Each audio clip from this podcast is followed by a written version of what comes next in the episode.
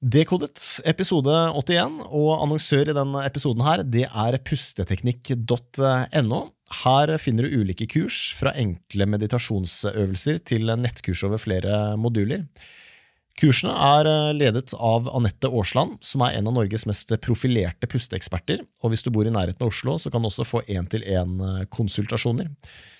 Teknikkene du lærer, de er basert på forskning gjort eh, på pust, så hvis du ønsker å lære mer om eh, hvordan du kan kontrollere pusten for å senke stressnivået, dempe indre uro og angst, eh, senke blodtrykket og sovne lettere, da går du inn på pusteteknikk.no. Linken finner du i episodebeskrivelsen. Og så til episoden.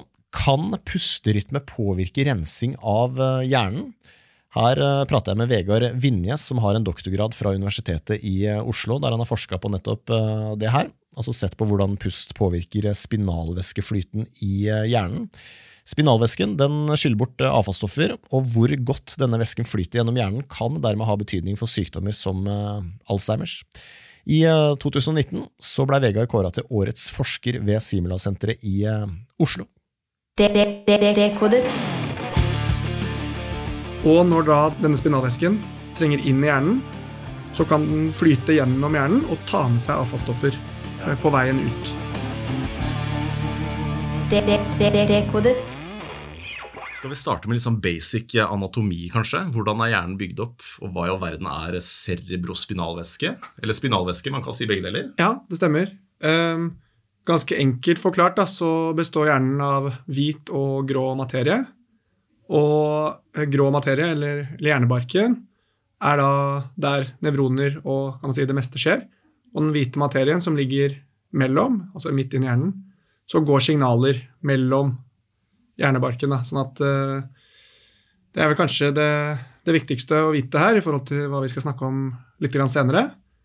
Og så er det på en måte hvor viktig den grå materien er versus den hvite. Det er ganske omdiskutert. Ja. Um, faktisk lest en artikkel som er om en sånn uh, veldig rar case, hvor uh, en person som levde helt tilsynelatende normalt liv, hadde mangla vel omtrent 70 av hjernen sin. Oi. Og hadde ikke merka det. Jeg tror den heter uh, 'Is the brain really necessary?' Oi. Det er en artikkel da, som ble skrevet om denne personen. Og forskerne forsto jo ingenting. Men han mangla omtrent ja, minst 70% av hjernen da, av hvit materie, altså det som ligger midt i hjernen, eh, men tok en bachelorgrad i matematikk i, i USA Shit. et eller annet sted. da. Så den gråe materien er antageligvis viktigere, da? Det, altså Nå er det jo store individuelle forskjeller mellom folk også, ja. men uh, Kanskje han var helt sykt smart, så han hadde en buffer på ja, 70 så... Kanskje, kanskje han hadde vært smartere. Ja. Eller så er det noen som tolker det som at den derre myten om at vi bare bruker 10% av hjernen. Ja, den, ja ikke sant? Ja, ja. Sann, da. Ja. Så det er litt sånn hvordan man tolker resultatet de fant der. da. Mm. Så det, vi har jo lurt mye på det selv, da, hvordan det kan ha seg. At det er mulig. Ja, shit.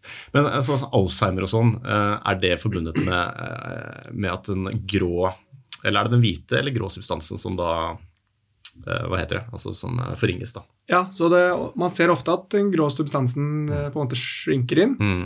Og så er det mye av disse signalene som går mellom eh, gjennom hvit substans, som eh, blir blokkert. Mm. Så du får ikke de koblingene nødvendigvis mellom forskjellige deler av hjernen så godt mm. eh, lenger. Nettopp. Og så er det denne cerebrospinalvæsken mm. som man tror altså funksjon, Man tror at uh, den, dens viktigste funksjon er å rense hjernen, er det riktig? Uh, ja, det det er, jo ganske ny Eh, nye teorier som er ja, tidligst for noen tiår siden. Eh, tradisjonelt sett så har man tenkt at den er der på en måte som en beskyttelse. Altså hvis du rister hodet ditt fort frem og tilbake, så ville jo hjernen ligget og dunka inntil skallen hvis ikke du hadde hatt sånn, et sånt basseng hvor den kan eh, ha litt grann, eh, treghet. Uh, I tillegg så har man tenkt at den bidrar til oppdrift. Så hvis, uh, hvis, hjernen hadde bare ligget på luft på en måte inni hodet, så ville den ligget ganske tungt. Uh, mm. Mens med denne spinalvæsken så kan du rotere deg i mange forskjellige stillinger uten at hjernen ligger tungt på noe sted. Da. For den hjernen har omtrent samme tetthet som vannet rundt. Mm. Så det var på en måte mest mye teori for langt tilbake. Og spinalvæsken har de historie på fra helt tilbake til gamle Egypt. At de visste at det fantes væske i, rundt hjernen. Og det fins masse sånne gamle tegninger av, av folk som fikk åpna kraniet, og det kom spinalvæske ut, så de måtte forsto hva det var. Hva består den av, da? Er det vann og salt og noe greier? Ja, så det er 99% vann omtrent. Og så bare bitte litt andre salter og næringsstoffer. Ja. Og da eh, vil Den vil være helt blank, akkurat som vann. Så.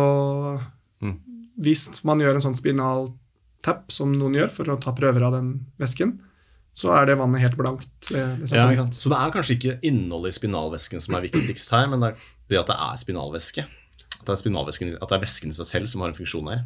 Ja, det, det er i hvert fall det man tenkte seg før. Og mye av det som vi har jobbet med også, har gjort den antakelsen. Men så er det også på en måte kjemiske sammensetninger, særlig mellom spinalvæske, hjerne og blod, som kan være veldig viktige også. Ja. Og der har det blitt gjort ganske lite, for da begynner modellene å bli veldig komplekse. Og det begynner å bli veldig vanskelig å undersøke det Ja. direkte i laben. da. Ikke sant? Og så har den altså den justerer trykket i hjernen også, gjør den ikke det? Jo, Utligner kanskje trykk, eller jeg vet ikke. Det stemmer. Ja. så trykket er viktig for hjernens funksjon. Og den regulerer jo på en måte trykket som skapes når blod pumpes opp til hjernen. Mm. Så når blod pumpes opp til hjernen med hvert hjerteslag, så vil blodårene i hjernen utvide seg bitte litt. Og det, for å få til dette her inni skallen, som er helt rigid, så er dette vannet som ligger rundt, en slags buffer. For vannet som ligger rundt, det er også koblet til eh, ryggmargen. Og det vannet som da, eller det blodet som går inn i hjernen, fortrenger litt grann av den spinalvæsken, som da trekker seg ned mot ryggmargen. Oh, ja.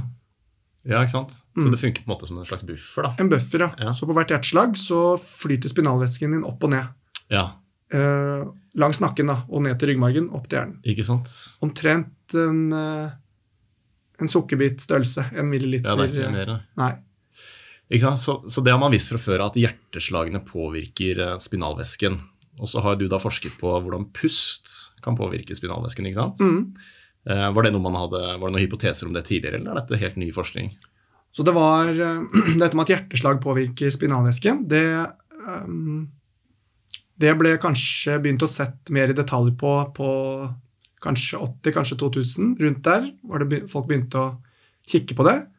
Og det var vel kanskje i år 2000 at folk begynte å kunne få bilder av at uh, hjerterytmen påvirker spinalflyten. Uh, før det så var det litt mer teorier uh, basert på andre typer data. Mens det du faktisk har kunnet avbilde, så har man sett det fra ca. år 2000 at, Ja. at hjerterytmen påvirker den spinalvæskeflyten opp og ned hver gang hjertet slår. Mm. Og så fra vi kanskje si mellom 2010 og 2015 en gang, så begynte noen folk å se på litt mer effekten av pust, og gjøre detaljerte studier på effekten av pust. Eh, Problemet da er at eh, MR er vanskeligere å ta av, eh, av pust. Mm. Det de gjorde, i hvert fall før, var når de skal ta Man kan sammenligne det egentlig litt med å ta mange stillbilder. Sånn at for å få et MR-bilde av Altså en animasjon av ett hjerteslag og spinalvæske som flyter opp og ned, så tar du mange bilder gjennom en hjertesykkel, Ja. og så setter du de sammen. Og da kan du på en måte få en eh, slags video av væskeflyten. Eh, på pust er det vanskeligere, for da har du på en måte Jo, forresten, når man tar disse bildene av, eh, av hjertet, så ber man ofte folk holde pusten osv., så videre, sånn at du kan få kun isolert hjerteslaget. Mens på pust så har du da både effekten av hjerteslagene og pust Ja. sammen. Så det er vanskelig ja, å sette skille det, ja. Ikke ja, sant? det er vanskelig å skille det. Og nå, bare de aller seneste årene, så har man fått bedre teknikker hvor du faktisk kan eh, avbilde det litt mer live, da. Eh, men med litt dårligere tidsoppløsning. Så det er ganske nytt eh, felt, egentlig, å se på hvilke sykler som påvirker spinalvæskeflyt. Mm. Om det er på en måte hjerte, pust, eh, døgnrytme, eh, hva med spising, drikking Det er så mange ting Mm. som kan påvirke det. da.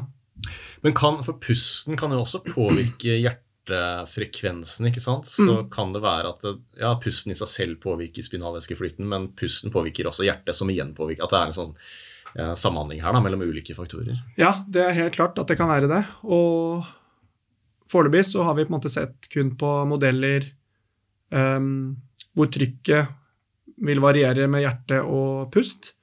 Men vi har på en måte ikke noe konkret svar på hvorfor det trykket varierer eh, som følge av pusten da, eh, i, inni spinalvæsken. Så det kan hende, som du sier, at fordi eh, blodet eller hjertet vil pumpe med litt forskjellig frekvens på innpust versus utpust, Ja, så vil kanskje trykket endre seg bitte litt pga. det, ikke sant? og kanskje ikke pga. pusten i seg selv. Ja. Men vi vet at uh, når vi puster inn, så puster vi dypt ned til lungene. Ned til et område som er tett kobla til eh, spinalvæskeområdet langs ryggmargen. Mm. Så der er det ting som ligger tett inntil hverandre og kan utvides. Og det er ikke utenkelig at den utvidelsen av lunger og det som skjer nede i mageregionen, kan, Ja, kan påvirke spinalvæsken på ryggmargnivå. nettopp. Og det henger selvfølgelig også igjen med spinalvæsken rundt hjernen. Da. Ja. ja, for det som er litt spennende her, synes jeg, da, det er jo at eh, ikke sant, vi snakker om Alzheimer, og at det antageligvis er forårsaket av at det akkumuleres avfallsstoffer i hjernen. Ja. Så har spinalvæsken en funksjon der at den Mm. eh, potensielt sett kan rense vekk disse avfallsstoffene. Ja. Eh, Og da er spørsmålet kan man, for å si det litt sånn tabloid, da, kan man ved hjelp av pust forebygge Alzheimer? Ja, Eh, så Det blir jo veldig tabloid, men det er jo litt det du har eh, forsket på, er det ikke det? Liksom, det er litt det vi har sett på, og vi har prøvd å se på hvordan pust påvirker eh, flyten av spinalvæske. ja. Og hvor, måte, hvor stor fart den får, og hvor mye den kan dra med seg av avfallsstoffer. Mm. Eh, teorien er jo nå at den spinalvæsken kan trenge inn i selve hjernen. Og det har man egentlig visst faktisk ikke så veldig lenge, at, at spinalvæsken og hjernen de bytter væske ganske ofte med hverandre. Så det er en kontinuerlig utskilling av væske mellom spinalvæsken og væske som ligger inni hjernen. Ok, en annen type væske inni hjernen. Ja, okay, ja. men de har omtrent samme sammensetning. Ok, ja. Uh, og når da spinal, denne spinalvæsken trenger inn i hjernen, så kan den flyte gjennom hjernen og ta med seg avfallsstoffer ja. eh, på veien ut. Så det er på en måte sånn vi ser for oss at hjernens avfallssystem fungerer. Ja. For i resten av kroppen så er det jo dette lymfesystemet ja, som tar seg av avfallsstoffer. Så, så Og- spinalvæsken er på en måte hjernens lymfesystem, da. Det kan man si. Ja. Er, det, er, det, er det fortsatt en teori og hypotese, eller er dette nå endelig bekreftet at det sånn er det? Um, det er vanskelig å si når man på en måte går fra det ene Ja, til det andre. Men det er mange ting som peker i retning av at Ja, og jeg vil si Jeg vet ikke om noen som på en måte benekter det. Eh, og jeg vet heller ikke om noen som har noen god alternativ forklaring på hvordan du blir kvitt Mm. avfallsstoffer fra hjernen. Eh, annet enn at det i hvert fall skilles ut i spinalvæsken som ligger rundt hjernen. Mm. Um, rundt blodårene da, som går inn i hjernen, så ligger det sånne bitte små kanaler for spinalvæske. Så du måtte ha blodårene innerst som en sylinder, og så utapå der så har du et bitte lite lag med spinalvæske. Og vi ser for oss at de områdene rundt blodårene er de viktigste eh, vannveiene inn og ut av hjernen. Hvor du da kan følge blodårene. Og det er derfor man tenkte seg at hjerteslagene, som får blodårene til å utvide seg og trekke seg sammen, er det som kan pumpe væske inn i hjernen. da Mm. og distribuere det i hjernen og skylle det gjennom eh, hjernen, slik at det tar med seg avfallsstoffer. Så da jeg begynte med min doktorgrad i 2016, så var det på en måte hovedteorien at det er hjerteslagene som pumper denne væsken inn i hjernen og distribuerer det gjennom hjernen og ut igjen av hjernen på venesiden av blodårene. da. Mm. Så der hvor blodet går inn i hjernen, så kan det følge spinalvæske rundt blodårene, altså på utsiden av blodårene, men inn i hjernen. Trenger gjennom hjernen og følger blodstrømmen da ut av hjernen, men bare da på utsiden av blodårene der også. Ja. Venesiden er de blodårene som går tilbake til hjertet igjen. Ja, så når man sier venesiden, så er det det blodet som går ut fra hjernen og Ja. tilbake mot hjertet. Ja. Det stemmer. Ikke sant? Og den doktor, altså, hvordan er det, fordi Du har jo matematisk bakgrunn, har du ikke det? Du har ikke noe Jo. sånn helsefaglig Det stemmer. ikke sant? Så Hva var tilnærmingen deres eh, når dere forsket på dette med pust og spinalvæske? Så ja, min bakgrunn er jo da fra fluidmekanikk. Så jeg har på en måte mye kunnskap på beregninger og matematikk innenfor væskeflyt. Og så har vi hatt samarbeidspartnere både på Universitetet i Oslo og, og Rikshospitalet som har mye mer eh, klinisk bakgrunn og medisinbakgrunn. Slik at vi hele tiden kan spare og lære av dem. da. Mm. Sånn at vi, vi som har matematisk bakgrunn, vi kan på en måte et minimum av det vi må kunne. Eh, og så kan de alltid fylle på, på måte med den dybdekunnskapen eh, når det trengs. Så det har vært veldig mye samhandling med dem for å på en måte lappe disse teoriene sammen. Mm. Og de har, på de spørsmålene de lurer på, så har de på en måte mer samlet inn data og gitt oss teorier. Og så kan vi eh, bruke ligninger, modeller, beregninger for å teste de hypotesene, da. Ja. Så det er ofte sånn det fungerer. Sånn at eh, når de sier at eh, Nå er det ikke de vi har samarbeida med, da, men når det kommer ut forskningsartikler som sier at blodårene pumper vannet inn i hjernen, eh, så kan vi sjekke det helt konkret. Om det de sier, stemmer. Så da er det veldig nyttig for de som sitter på klinisk og medisinside her i Oslo, og ha oss til å spørre også. Mm. Hei, de folka her de skriver dette i sin forskningsartikkel. Vi er litt usikre på om dette faktisk stemmer, Mm. når de snakker, begynner å snakke om mekanismer på hvorfor ting skjer. Og så har vi testa det i ja, vi har testet det i modellene våre. Og så finner vi ut at uh, noen ganger så er det deler av det som skrives, som stemmer, og andre ganger så det, stemmer det ikke så godt Mm. på forklaringsbiten. Ofte så skriver man medisinske artikler, og så samler du opp masse data. Og så lanserer man på en måte en litt, litt mer forklaring og litt teori rundt i diskusjonsdelen Mm. av artikkelen sin. Og der er det fort gjort å på en måte lansere hypoteser ved siden av eh, det som på en måte er de tørre fakta og det som Ja, blir gjort i studien. Ja.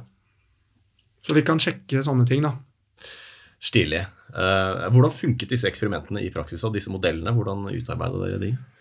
Så det, har, det er jo helt standard modeller på væskeflyt, som følger egentlig Newtons lover, bare for uh, Ikke for på en måte punktmasser og sånn, men for væske, da.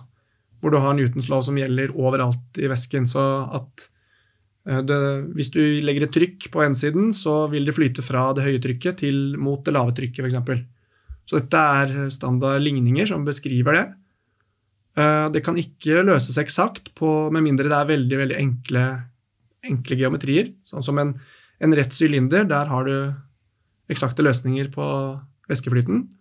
Mens i en så kompleks geometri som hjernen, så må vi bruke eh, modellering eh, og matematisk eh, kan man si, beregninger på en PC Mm. for å løse disse ligningene omtrent. Sånn at eh, vi, får løsninger som er løsninger av ligningen, men du kan si det er en feilmargin på la oss si 0,1 for eksempel, Mm. på å løse selve ligningen. Og så er det neste spørsmålet er om ligningen i seg selv faktisk beskriver den fysiske prosessen godt nok. Ja. Så vi vet at vi klarer å løse ligningen, Ja. men hvordan ligningen beskriver det som skjer fysisk, det er det vanskelige, da. ja. Og hvordan vet dere at dere har lykkes med det, da? Eh, vi må jobbe med å få validert de modellene vi har, til eksperimenter som gjøres. Ja. Og der har vi jo eh, Det har blitt gjort noen studier på måling av eh, trykkforskjeller i hjernen og MR-flyt langs eh, langs Nakken, opp og ned. Mm. Sånn at du kan måle trykket der, og du kan ta MR. Og de ligningene vi løser, de er en relasjon mellom trykk og væskeflyt. Mm. Men hvis du klarer å måle trykk og væskeflyt på et sted på samme tid, Mm. så kan du på en måte validere Ja. at de to passer inn i ligningen din. Shit. Det er komplisert. Det er en Mm. grunn til at doktorgrad ikke er for alle. Ja, Men eh, spennende også, da. Mm. Men ok, så har, eh, Dette har jo du jobba med eh, i noen år. Mm. Hva, hva var konklusjonen? Hva kom dere fram til? Og Jobba du aleine, forresten? Jeg sier dere, men jeg regner med at det er et team. ja, på realfag nå så er det vel egentlig alltid team, Mm, sånn som jeg har forstått det. da, At det er ingen som klarer å løse mange av disse problemene alene. ikke sant? Og så har man som doktorgradsstudent så har man i hvert fall alltid en veileder Ja. som forhåpentligvis Er interessert? bidrar. Og, bidrar, ja, og det har jeg hatt, da. ja, så bra. Um, så konklusjonen var egentlig at uh, pusten bidrar ganske mye til Mm. spinalvæskeflyt. Um, og vi konkluderte vel at den bidrar vel så mye som hjerteslagene Ja. i pasienter som pustet vanlig, da, som ikke fikk beskjed om at de skulle puste noe spesielt. Ingenting, bare skulle ligge og slappe av. Ok, Så pust bidrar vel så mye som hjerteslag, men bidrar til spinalvæskeflyt på en annen måte, kanskje? Er det to ulike altså, uh, ja, Er det ulike måter de bidrar på? Ja, sånn at uh, i teorien så er det på en måte de samme bølgene, men at bølgen som kommer fra pust kan se for seg at det er på en måte en bølge med spinalvæske som skyller innover en strand, eller et eller annet sånt. Og den bølgen som kommer grunnet pust, den er mye lenger. Den er lengre. Så den er lengre, men den er på en måte ikke noe høyere. Den er ikke kraftigere, men den, er, den varer lenger. Mm. Så hvis du har en bølge som kommer inn på stranda, som varer lenger, så vil den gå lenger opp eh, på stranda. Og kunne eventuelt potensielt ta med seg mer avfallsstoffer Ikke sant? eh, på veien. da. Ja, det var et fint bilde, da. Men er det da en fordel med dype, lange pust? Merka dere forskjell på det? Så det er jo noe som ikke vi har sett direkte på, men som har blitt sett litt på i ettertid. Um, Noen av de artiklene som vi så på før vi gjorde vår studie på pust, de hadde sett litt på noen dype pust, men med ganske dårlig oppløsning eh, i tid, sånn at du får ganske hakkete signal. Yeah. Vanskeligere å tolke, men de hadde sett eh, tegn på at når folk pusta dypt, så fikk de signaler de kunne tolke, mens når folk pusta vanlig, så fikk de ikke så gode signaler. ok. Sånn at det var ting da som tyda på at dype pust eh, fører til mer spinalvæskeflyt. Ja. Senere så har den samme gruppen klart å avbilde det enda bedre, og har vel egentlig konkludert med at, sånn, at dype pust, som også er assosiert med på en måte typisk i yoga ehm, Jeg tror til og med de nevnte på en måte yogic breathing i artikkeltittelen sin. At det førte til mye større bølger, eller lengre bølger, da, av spinalvæskeflyt enn bare når man slapper av og det er hjertet bare som, som slår, da. Shit, det er interessant, da. Så folk som driver med meditasjon og yoga, er veldig opptatt av pust og bevisst på det, og dype, lange pust, de kan ha en fordel av det, sånn spinalvæskeflytmessig. Det eh, det kan tolkes dit, ja. Ja. At det, det er flere, flere fordeler med eh, å kunne puste Ja. noen dype pust, ta en rolig avslapningspause. Men det, ja, det at, sant, fordi vi snakker om um, Alzheimer som er forbundet med akkumulering av avfallsstoffer i hjernen. Ja. Men det at, at det akkumuleres avfallsstoffer i hjernen, kan det ha andre uh, virkninger enn uh, en Alzheimer? Kan, altså Når man snakker om hjernetåke, f.eks., mm. Mm. når man føler at det går litt treigt opp i topplokket, er, har det noe med akkumulering av avfallsstoffer å gjøre?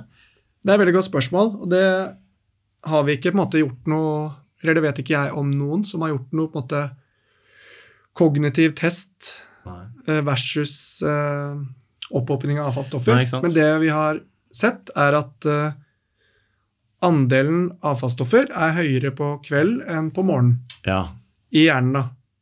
Sånn at uh, man merker jo selv at på kvelden så har du litt mer tungt for deg i topplokket, kan du si. Mm. Det kan, gå, det kan bli slitsomt hvis du er oppe flere, sent på kvelden og skal tenke, ja. og du begynner å bli trøtt. Eh, Så vet vi at det er tungt. Men vi har ikke da direkte målt det i en studie, så vidt Nei. jeg vet. Det er interessant. Det er jo noen som hevder at de er klarere i toppen om kvelden, altså B-mennesker, da. Men det, er kanskje, går kanskje mer på det kreative. Hvis du skal løse en IQ-test, så er det kanskje alltid en fordel å gjøre det litt tidligere. Jeg vet ikke. Det, jeg vet Nei, ikke. Altså, nei, ikke også det vi også har sett når vi har øh, jobba mye med kliniske data, er at det er store forskjeller Mm. individuelt Ja. mellom personer. Mm. Og det er vel kanskje ikke det som har overraska meg mest. Ja. For det er på en måte Når vi ser på blodprøver, f.eks., så har man referanseverdier som ofte er ganske smale.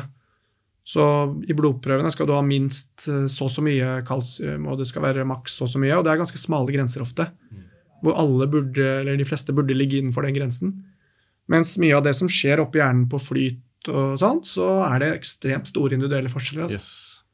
Ja, det er ikke noe one size fits all uh, verken her eller i ernæring eller noe annet sted. nei. Nei, så det er Ja. Men altså, det med søvn er også litt interessant, da. Fordi uh, det er vel også sant, det, Når vi sover, så puster vi da Jeg vil tro vi puster roligere, og at hjertefrekvensen Mm. senkes. Og at Mm. det også vil påvirke spinalvæskeflyten.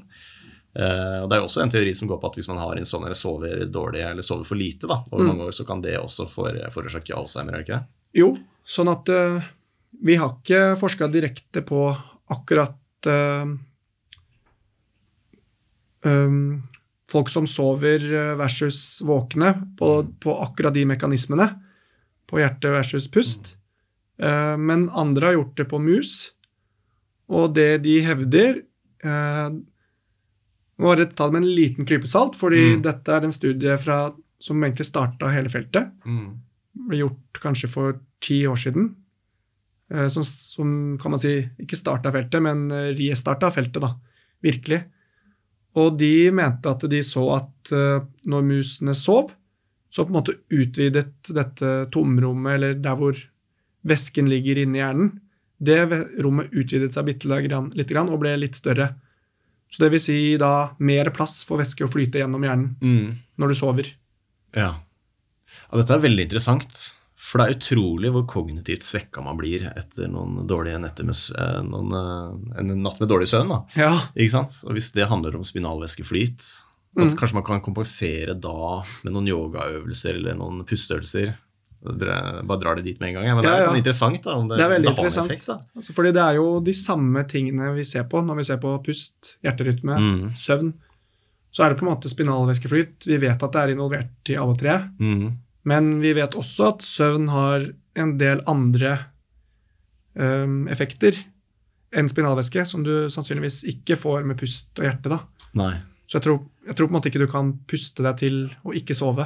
Nei, ikke sant? Ikke sant? Så, det, så søvn har nok mange funksjoner. Ja, ja. Og rense med, via spinalvæsken kan være én Ja. viktig funksjon. da. Ikke sant? Men dette med hjerte, hvordan hjertefrekvens og puls påvirker um, spinalvæskeflyt, er det en fordel å være toppidrettsutøver f.eks., hvor du har en veldig lav hvilepuls? Men Da vil jeg anta at hjertet slår litt hardere. Mm. Eh, har styrken på hjerteslagene noe Det er utenfor det du har forska på, da, men vet du noe om det? Om, eh, Ja, vi har jo, hvis du på en måte ekstrapolerer det som vi har gjort i de studiene, og så vil jo generaliseringen av det vi har gjort, si på en måte at de lange bølgene er det som vil klarere mer avfallsstoffer. Så hvis hjerterytmen din også blir på en måte lenger, altså treigere hjerterytme, så vil da også den bølgen med spinalvæske være lenger, ikke sant? mm, Eh, Så ut fra det vi har gjort, så er det mest sannsynlig. da, At hvis Mm. du har en lavere hvilepuls, så blir bølgene lengre og potensielt kunne klarere mer avfallsstoffer. ha.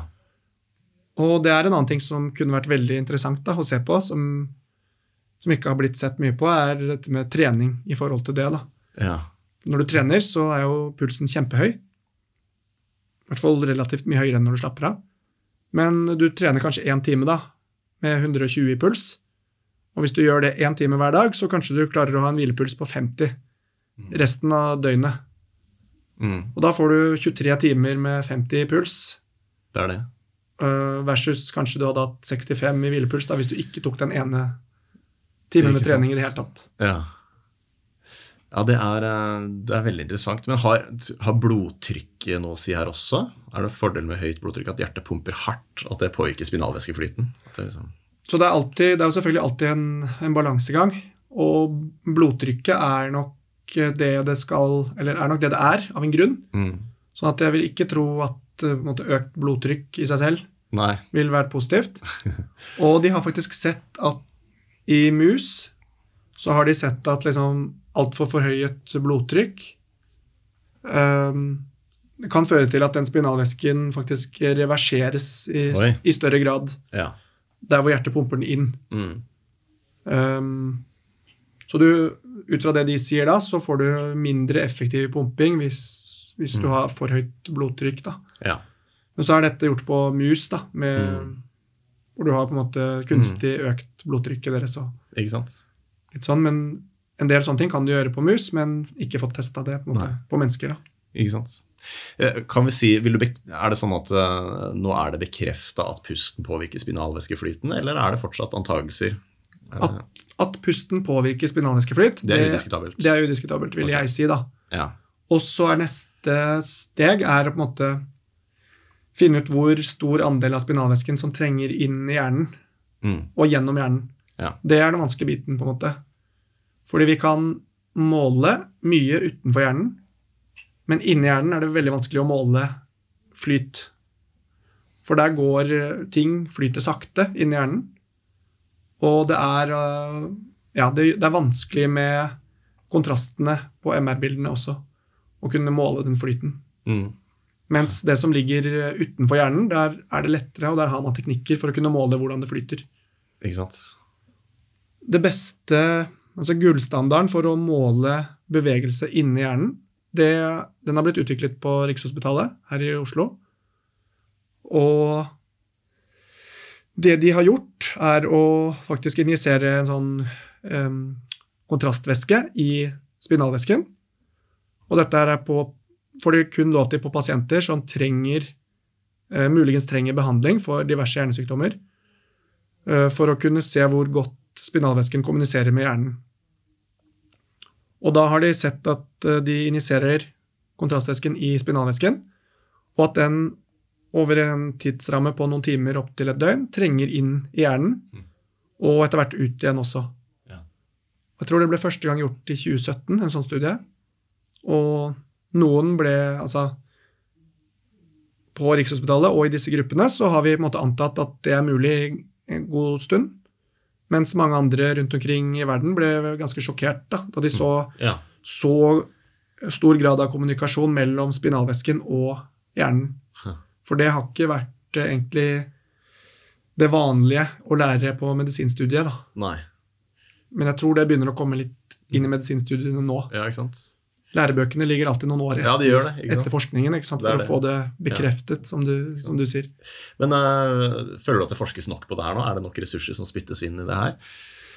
Ingen forskere vil svare ja på det, kanskje, men uh, det Det- skjer vel mye på det feltet her? det Det det? skjer ganske mye på det feltet, og det er mange som forsker på det. Um, Jeg vil ikke si at det måtte er for lite forskning på det, fordi, men jeg har ikke helt full oversikt over alle miljøene Nei. I Norge som Ja, for akkurat Alzheimer forskes jo veldig mye på. Det er masse. Ja. Men mekanismer bak, med modeller, eh, så har vi kanskje lite grann å gå på. For å på en måte forstå og kunne behandle en sykdom, så må vi forstå mekanismene bak. Mm. Og da må du enten på en måte gjøre masse eksperimenter og teste teoriene dine igjen og igjen på Mm. nye eksperimenter. Eh, test, bygge deg opp på en måte en slags forståelse, og så teste den forståelsen på veldig masse forskjellige måter. Eller så er alternativet å bygge seg, bygge seg en modell som beskriver virkeligheten, og så kan du teste den ja. så mye du vil på en datamaskin, så lenge du vet at den i en ganske god grad beskriver det virkelige problemet. da. Mm. Og når du har gjort den, det forarbeidet på, på modellering, så må du gå til laben og teste ut den hypotesen. ja. For da får du på en måte et mye bedre startpunkt på når man skal begynne å sette i gang med dyreeksperimenter. Og, Ja, nettopp. Men ut fra det vi vet nå, da, ut fra det vi vet i dag, så kan vi anta at det er fordelaktig i hvert fall å være i god form og trene, sånn at du får lav eh, hvilepuls. Og det kan være fordel med dype, kan være fordel med meditasjon og yoga og dype, mm. lange pust. Og det er fordel å sove godt hvis man er veldig opptatt av spinalvæskeflyt av en eller ja. annen grunn. Så det er på en måte ikke så kontroversielt Nei. eh, Nei, budskap, men det er interessant at det henger sammen med Ja, mye av det man allerede, noen Ja. allerede kjenner seg igjen i. da. ja, At etter noen dype pust, kanskje noen minutters pause med dype pust, så kjenner man seg Ja. litt mer avslappet og klarere. ja. Ja, Det som er spennende her, er jo dette med Alzheimer. da, At det Ja. kan potensielt forebygge. ikke sant? Mm. Um, så det blir spennende å se hvor, hvor det ender. Er du sånn at du, um, at du bruker uh, pusteteknikker gjennom dagen? Setter du av liksom time til yoga for å optimalisere spinalvæskeflyten din? Jeg setter ikke av mye tid til det, men jeg gjør, gjør det innimellom. da. Ja. Må ta meg en liten pause i løpet av dagen. ja. Sette seg ned, fokusere liksom litt på puste Mm. jevnt og dypt. Um, Er det for å optimalisere spinalvæskeflyt, eller er det bare fordi du syns det er ålreit? eh, det er mest av individuell preferanse, egentlig. Ja. At eh, um, Jeg har sett at det er så store individuelle forskjeller Ja. at å begynne å bare teste noe uten å føle at det er eh, bra for en selv, det Ja. vil jeg kanskje ikke tro Nei, ikke er noen grunn til ennå, i hvert fall. Um, men det er jo også mange andre positive sider med å, å ta seg en pause og noen dype pust. Ikke sant? Ikke bare pga. spinalvæske, men også det mentale aspektet ved det. da. Mm? At du får senka stressnivået litt. Mm. Og det, alt på en måte henger sammen. Ja, det gjør det. ikke sant? Det er det. Mm. Uh, men du er jo i ganske god form. Er ikke du sånn som trener og kjører på? Så du har vel ganske grei lav hvilepuls, vil jeg tro? Jeg trener en del, Ja. og, men litt, det var litt, litt mindre de siste Ja, årene. da. Ja, sånn blir det når man mye- bikker 30. Ja. Jeg trente vel litt for mye en periode for noen år siden. Gjorde du det? Det ble, Overdrevet, eller? Uh, ja, litt. Ja. For det var liksom full doktorgrad og ja. Er det ski du driver med? Jeg bare så på Instagram, eh, Langrennssatsing. Langrenns. Ja, satsing òg, ja. ved siden av, ja. Fram til 2019 med Wow. Massalopp og Birkebeinerne, Marcialonga. Hele- Ja. Det holder seg bang. Shit. Ja, det er heftig ved siden av doktorgrad. Satse Så det ble mange timer trening. Og, Ja, da kjenner jeg at du tar deg noen yogapauser innimellom. ja. Ja, shit. Men vi var på sånn eh, Vi var frivillige på en eh, MR-undersøkelse for å måle spinalflyt. Og da tok de jo den der snapshot-teknikken, hvor du tar et bilde av liksom hvert hjerteslag, og så syr du det sammen til én. Mm. Og da hadde jeg med veilederen min og noen andre, og veilederen min han hadde så høy hvilepuls, så han kom fort ut av MR-maskinen. ikke sant? Oh, ja. For da fikk de alle de bildene de trengte ja. For å lage gode bilder. Ikke sant? Mens, så jeg hadde litt lavere hvilepuls, så jeg måtte Ja. ligge i MR-maskinen i 40 minutter. Og... Ja, ikke sant? Ja, Men det er ikke ekstreme forskjeller der på toppidrettsutøvere og vanlige folk? At, uh, Det kan være store forskjeller, ja. Ja, Kan ha- ned i liksom 40 hvilepuls og sånn? Jeg tror jeg hadde rundt 40, Nesten klinisk 40 død, liksom. Ja, shit. Hva med de der eh, sånne fridykkere og sånn? De holder jo pusten helt sjukt lenge. Ja. 10-12 minutter, liksom. Det er jo helt sinnssykt. Det er de Altså, man det- burde måle på, da. Spinaliske flyten der. Hva var det en um, Jeg var faktisk på Norges yogafestival i sommer Ja.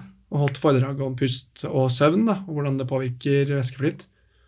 Og der var det faktisk flere som var interessert i å bidra til forskningen, da, Ja. som har trent seg opp på pusteøvelser. ja. Uh, nå har ikke jeg direkte kontakt med de eksperimentelle studiene lenger. Altså, så jeg har ikke invitert noen av dem på, på studier, men det kom jeg på nå. Det burde tipse dem ja. oppe på Rikshospitalet da, om å ta kontakt med noen sånne Ikke sant? som virkelig har trent seg opp eh, Ja, på det. da. Og da er jo de som er veldig gode på yogaøvelser, eller som du sier, fridykkere, Ja. ville vært gode testcaser da, for ja, det det. de ekstreme tilfellene. Ikke sant? Men man får ikke testa det her hjemme. Det er ikke noe sånn hjemmeapparat som man kan koble til hjernen og bare sjekke spinalvæskeflyten. Nei, det er veldig, det er veldig vanskelig. Det er vanskelig. Ja, shit. Ja. Vi prøvde å måle Det var blod, da, faktisk. Ja. For du får aldri målt spinalvæsken mens du trener. Det er på en måte helt umulig. Mm. Men vi har prøvd blod for å på en måte få en røff følelse, og da tok du sånn blod eh, ultralyd liksom inntil tinningen for å Mm. se om man kunne måle noe da, opp til hodet. Mm. Men det var veldig vanskelig å få gode signaler, for han som satt på sykkelen, han liksom Ja, ikke sant? For å få pulsen, da, så ga ja. han hardt, og da vingla hodet frem og tilbake. Ja, det var akkurat det. ikke sant? Og da fikk du veldig dårlige målinger. Men uh, spinalvæske får vi ikke målt Nei, under trening. ikke sant? Men veldig interessant å skulle målt det f.eks. etter trening, ja, i restitusjonsfase, for trening i seg selv er jo på en måte ikke bra. Nei. Kan si ikke Der og da, ikke sant? Ja, Ja, det er et veldig sånn stresspåkjenning for kroppen, men etterpå så det er jo restitusjonsfasen hvor kroppen bygger seg opp. mm. Så hvis vi skal se på fordeler av, eh, av trening på spinalvæske, så burde vi jo egentlig se etter de tingene som skjer med kroppen Mm. uh, som resultat av trening, Ja. og ikke under trening. Her er det mye spennende forskning opp for grabs, altså. Ja, det er masse. Faktisk, ja. Nei, men Kanskje jeg skal begynne. Jeg drev med sånn meditasjon for noen år siden, men jeg falt litt av. Eh, fikk liksom, Jeg skjønte det ikke helt, tror jeg. Men det Nei. var mer sånn mindfulness. da, ja. ikke sant? så handler det litt sikkert om eh, tiden man setter Ja, det er det, ikke sant. Altså, trenger ikke å sette ned mer enn noen minutter måte, for å Nei. få senka roen og kjent litt på det. Ikke sant? Det blir fort Hvis man skal bruke en time hver gang, så blir, blir det vanskelig å sette av tid til det. Det er akkurat det. Ja. Men eh, nei, jeg skal prøve noen dype pust om dagen. Skal få fart på denne spinalvæsken. Ja, så Det er masse spennende også om søvn. da. Ja. Dette med, Det har de også gjort på Rikshospitalet. Dette med å måle uh, avfallsstoffer etter søvn ja. og etter en natt hvor du er tvunget til å være våken. Ja, og da har du funnet ut at det akkumuleres masse den natta du er våken, antageligvis. Så det er litt overraskende at det var ikke så stor forskjell, men det var forskjell. Ja. Så det de gjorde, var å da injisere denne kontrastvæsken i spinalvæsken til to grupper med pasienter. Og så lar de den ene få sove etterpå, og den andre blir tvunget til å være våken hele natta. Så måler vi igjen på morgenen, og så ser du at den som har vært våken, har litt mer. Ikke ekstremt, men litt. øh, mer avfallsstoffer i så å si alle deler av hjernen enn de som har sovet. Og så etter den første natta så lot vi alle pasientene få gjøre som de ville. Så da regner jeg med at de første sov ganske godt, de også. De som ikke fikk sove første natta, de tok seg nok ganske mye søvn. Mm. Men det, da vi målte dem et døgn etter det igjen, så var det fortsatt litt forskjell. Oi, det henger i, ja. Ja, så en eh, one sånn all-nighter, det hadde de effekt av også et døgn etter det igjen. Mm. Selv om de sov godt da. Ha. Så det er effekten over tid kanskje her som er problematisk, da, hvis Mm. du sover dårlig over mange år. Ja, så vi tror litt det, da. Ikke sant? Eller denne greia at du ikke skal, altså du skal stå opp klokka fire, og det er nesten sånn eh, greie på TikTok. Ja, ja. Som bare opp klokka fire og bare starte dagen. Gønne på, liksom. Ja, ja. Og det var jo en greie før, da, at det, å sove var liksom ikke så viktig. Nei. Du skulle liksom opp og prestere. Mm. Men det har endra seg litt, tror jeg, med, med forskningen. Ja, det tror jeg. Og så er det vel også sånn at uh, Jeg tror i hvert fall at for 100 år siden eller noe sånt, så sov folk en time lenger Ja, i i snitt, snitt. ja. Ikke sant? Og nå scroller vi til klokka to og starter klokka seks. Så det er Liksom. sikkert mange grunner til at det er sånn, men, Ja. Men det er noe å tenke litt på, da. ja. Og så jobber de nå litt videre med egentlig å finne ut måte, hvor, hvor lang tid må det gå før du er tilbake da, etter den første natten uten ja. søvn. Ikke sant? I de første studiene så hadde vi på en måte måling dagen etter, altså etter de ikke hadde sovet, og så måling dagen derpå etter den, når de hadde fått sovet godt. Og så var det kontroll fire uker etterpå. Og på kontrollen så var alle like, da. Da var alle like, ja. Da var det ikke noe avfallsstoffer igjen, Nei. Men på et eller annet tidspunkt der så, Ja, så nulles forskjellen ut. Da. på et eller annet tidspunkt. der. Men det at du har hatt mer avfallsstoffer i et par uker, da, for eksempel, Mm. det kan ha noen implikasjoner som er negative. Ja, det kan være vanskelig å si, da. Ja. På et eller annet tidspunkt så bikker det jo over Ja. en kritisk grense, Mm. hvor du ikke kan egentlig gjøre noe mer med det. Nei. Men vi kan ikke være så sårbare at vi ikke tåler å sove dårlig i noe. Altså Småbarnsfasen, da sover vi alle dårlig, liksom. Ja, nei, det, kroppen er jo robust. Ja, Sånn at det, det må være, jeg, jeg vil tro at det her er Om det er noen sammenheng liksom fra søvn Mm. til Alzheimer, så tror jeg det må på en måte være over veldig lang tid. Over veldig lang tid. Ja, Ja, ikke sant? for det er, Men det er fortsatt også uenigheter, da, eller usikkerhet om søvn på en måte fører, Dårlig søvn fører til Alzheimer, eller Om. Alzheimer fører til dårlig søvn, ja. Ja, Så du, du klarer ikke å skille de to. Og det gjør ikke det, nei. Nei. Nei, fordi det er en konsekvens av Alzheimer, at du sover dårlig. Ja. Så de som det, man vet, er at de som har Alzheimer, de sliter også med søvn ofte. Mm. Så det er assosiert. Og, liksom. Ja. Og nå er det begynt å gjøre studier på en måte på at de prøver å se etter folk som har litt sovevansker, og klarer å forutsi om de får Alzheimer. på en måte. Mm. Hvis en helt frisk person uten Alzheimer-symptomer i det hele tatt rapporterer søvnvansker, om det er noen indikasjon Mm. På fremtiden, eller en økt sannsynlighet, eller et eller annet sånt. Ja. Det vil aldri være sånn at alle som sover dårlig, Nei. får Alzheimer. Faen at det er så, Jeg skjønner ikke hvorfor det er så vanskelig å komme til bunns i det. Nei. Det er sånn Vi har landa på månen og vi har funnet opp Ja. penicillin og kunstig intelligens, men eh, hva er det som forårsaker Alzheimer? liksom? Ja, så Men det er komplisert. Grunnen til det er jo at eh, som sagt, det er mange år. ja. Eh, veldig, veldig mange år. Og så um, vet du ikke mekanismene bak. At hvis du kunne sagt at vi vet at det er opphopning av avfallsstoffer som skyldes dette, vi vet at de renses eh, ved søvn, eh, og at den, eh, hvis du sover dårlig, så renses det dårligere Hvis du kan si all, alle de bitene med sikkerhet, så kunne du på en måte konkludert med at søvn fører til Alzheimers. Mm. Men det er mange usikre momenter inni der. Hvor mange år tror du det tar før vi kan konkludere her? Ti? Fem? Jeg tror, jeg tror ikke fem. Det tar lengre tid, vet du. Ja, Ti, da. ti, kanskje. kanskje. Men uh, vi vet heller ikke måte, hvilken forskningsgruppe eller hvilken Nei. innfallsvinkel som vil gi oss svaret. da. Kan man bruke kunstig intelligens på noen måte her, for å få litt fart på, fart på forskningen? Ja, det er absolutt. Du kan bruke kunstig intelligens. Vi har forsøkt det lite grann på, på disse trykkmålingene. Da har jeg jobba litt med det, og fant ikke noe bedre resultater ut fra å bruke kunstig intelligens på de dataene enn å bruke vanlig tidsserieanalyse, um, som har vært standard lenge. da, altså Fourier-analyse, hvor du får skilt ut frekvenser og amplituder og alt mulig på signaler. Um, men på bildesegmentering, altså se bildet og så si 'dette her er uvanlig', 'dette er vanlig', så er det jo kjempebra. Mm. For da har du også ofte en Forhåpentligvis så har du en kirurg eller en radiolog eller et eller annet som kan gi deg svaret, Mm. og markere liksom på veldig mange bilder, og så kan du trene AI-en Ja. på hva som er riktig, og hva som er Ja, ja. uvanlig, da, så kan du gjøre den jobben på, kjempefort på nye data. Mm. Men jeg har prøvd å spørre liksom ChatGPT og sånn, om den har svaret på noen av de, de vanskelige spørsmålene, men den, Den er ikke så klokere enn nei, deg, den går bare i loop til slutt på seg Ja, selv da, sant, og sier at eh, hvis du spør den om noe så konkret som det, så begynner den å snakke litt om andre ting. da. Ja, ikke sant. Så spør den om spinalvæskeflyt gjennom hjernen, så svarer den at det blodet gjennom hjernen det flyter Ja. sånn og sånn.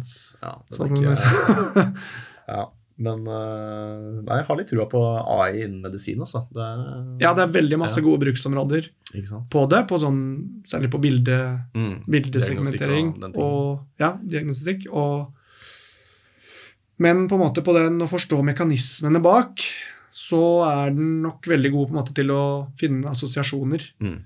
Du kan gi den masse data, og så kan den si at eh, de dataene finner jeg alltid samtidig med Mm. de dataene i en pasient. Så han kunne sagt at uh, kjempeenkelt at søvnvansker er assosiert med Alzheimers diagnose. Mm. Og så kan han finne masse sånne kryssassosiasjoner Mm. i data veldig fort. da. Ja. ja, det er vel nettopp det, at den, den jobber så fort, da, ikke sant? Mm. så du kan gjøre et årsverk på en uke, liksom. Ja, på, på de oppgavene. På de oppgavene der, da. Men å forklare på en måte hva som At den ene fører til den andre, Ja. da må man på en måte sette opp eksperimentene slik at Mm. du får resultatene som kun kan peke den ene veien. Og jeg har ikke spurt eh, en AI om, Om om hvordan man setter opp eksperimenter og sånn, men eh, Ja. Det her går fort, dette. Tipper, jeg tipper fem år, jeg. Ja. ja. Ok, men enn så lenge, i hvert fall. Eh, tren, senk hvilepulsen, et par dype pust eh, om dagen og sov godt. Det er lite kontroversielt, dette. Spis sunt i tillegg, da. Så er vi det. Takk for praten, Vegard. jo, takk for å få komme. Dekodet. Det var eh, episode 81 det, med Vegard Vinje. Og hvis du nå blei nysgjerrig på pust og vil lære mer om hvordan du kan kontrollere pusten, så bør du gå inn på pusteteknikk.no, som er annonsør i den eh, episoden her. Her finner du ulike kurs ledet av eh, en av Norges mest profilerte pusteeksperter, Anette Aarsland. Så sjekk ut eh, pusteteknikk.no. Linken den finner du i episodebeskrivelsen.